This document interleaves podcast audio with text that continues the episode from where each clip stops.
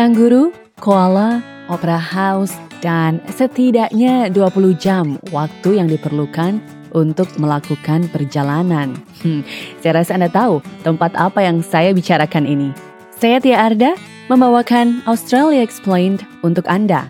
Setiap minggunya, saya akan membagikan apa yang saya pelajari tentang budaya Australia, apa yang membedakannya dengan negara lain, terutama dari gaya hidup yang sangat berbeda dengan kebiasaan dan tradisi di Indonesia. Namun sebelum kita masuk lebih jauh untuk mengetahui kebiasaan hidup orang Australia, saya akan sampaikan dulu beberapa fakta menarik tentang negeri yang menjadi kediaman bagi lebih dari 80 ribu orang Indonesia ini.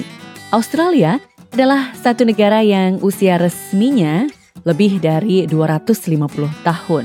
Tetapi penduduk asli Australia telah tinggal di tanah ini selama sekitar 80 ribu tahun, yang mana berarti Australia adalah rumah bagi budaya tertua yang masih ada di dunia ini. Dengan ratusan bangsa berbeda yang tinggal di sini selama puluhan ribu tahun itu, masing-masing dari mereka memiliki bahasa uniknya sendiri.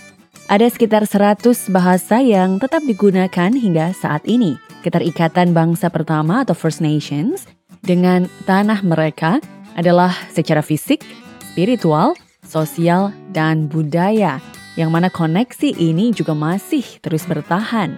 Setelah dijajah pada tahun 1788, Australia menjadi satu negara resmi pada tahun 1901. Negara ini dibagi menjadi enam negara bagian dan dua provinsi. Dilihat dari luas wilayahnya, Australia adalah negara terbesar keenam di dunia dibandingkan dengan Indonesia yang merupakan negara terbesar ke-15. Luas Australia adalah sekitar empat kali ukuran Indonesia. Meskipun merupakan negara yang besar, Australia adalah benua terkecil di dunia. Walau banyak sekali orang berpikir bahwa Sydney adalah ibu kota Australia, mungkin karena memiliki Sydney Opera House, tapi sebenarnya Canberra adalah ibu kotanya. Canberra dipilih karena sementara Sydney dan Melbourne bersaing ketat untuk memperebutkan status ibu kota ini, Canberra merupakan kompromi agar semua pihak senang. Populasi Australia saat ini adalah hampir sebanyak 26 juta jiwa dan bahasa Inggris adalah bahasa resminya. Meski tidak memiliki agama resmi negara, tetapi Kristen adalah agama yang paling banyak dianut orang Australia.